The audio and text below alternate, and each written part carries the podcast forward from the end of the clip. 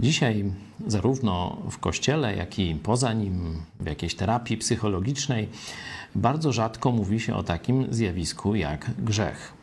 Mówi się o błędach, mówi się o uzależnieniach, mówi się o problemach i nawet mówi się, że Jezus wyciągnie cię z problemów, Jezus wyciągnie cię z jakichś y, twoich tam kłopotów, nałogów i tak dalej, nie? Ale to nie jest cel przyjścia Jezusa. Przynajmniej nie jest to główny cel. Oczywiście Jezus z tego wszystkiego nas gdzieś wyciąga, ale chce nas wyciągnąć.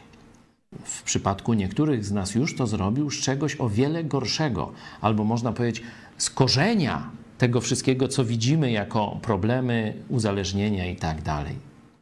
On chce wyrwać nas z naszej skłonności do grzechu.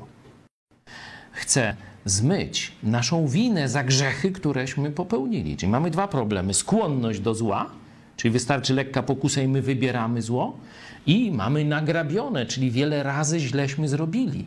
Jesteśmy winni przed Bogiem.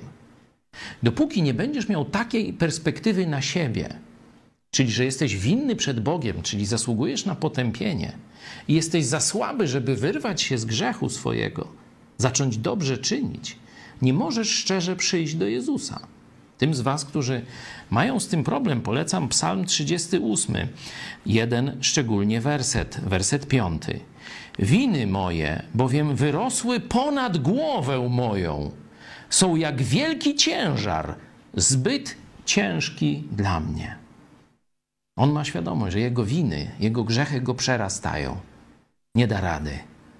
W tym stanie dopiero można szczerze zawołać: Jezu, ratuj, Jezu, zbaw. Ci, którzy już zaufali, ja, Ty, możemy dziękować Bogu. Nasze winy nas przerastają, ale On jest ponad nimi. Chwała Jezusowi.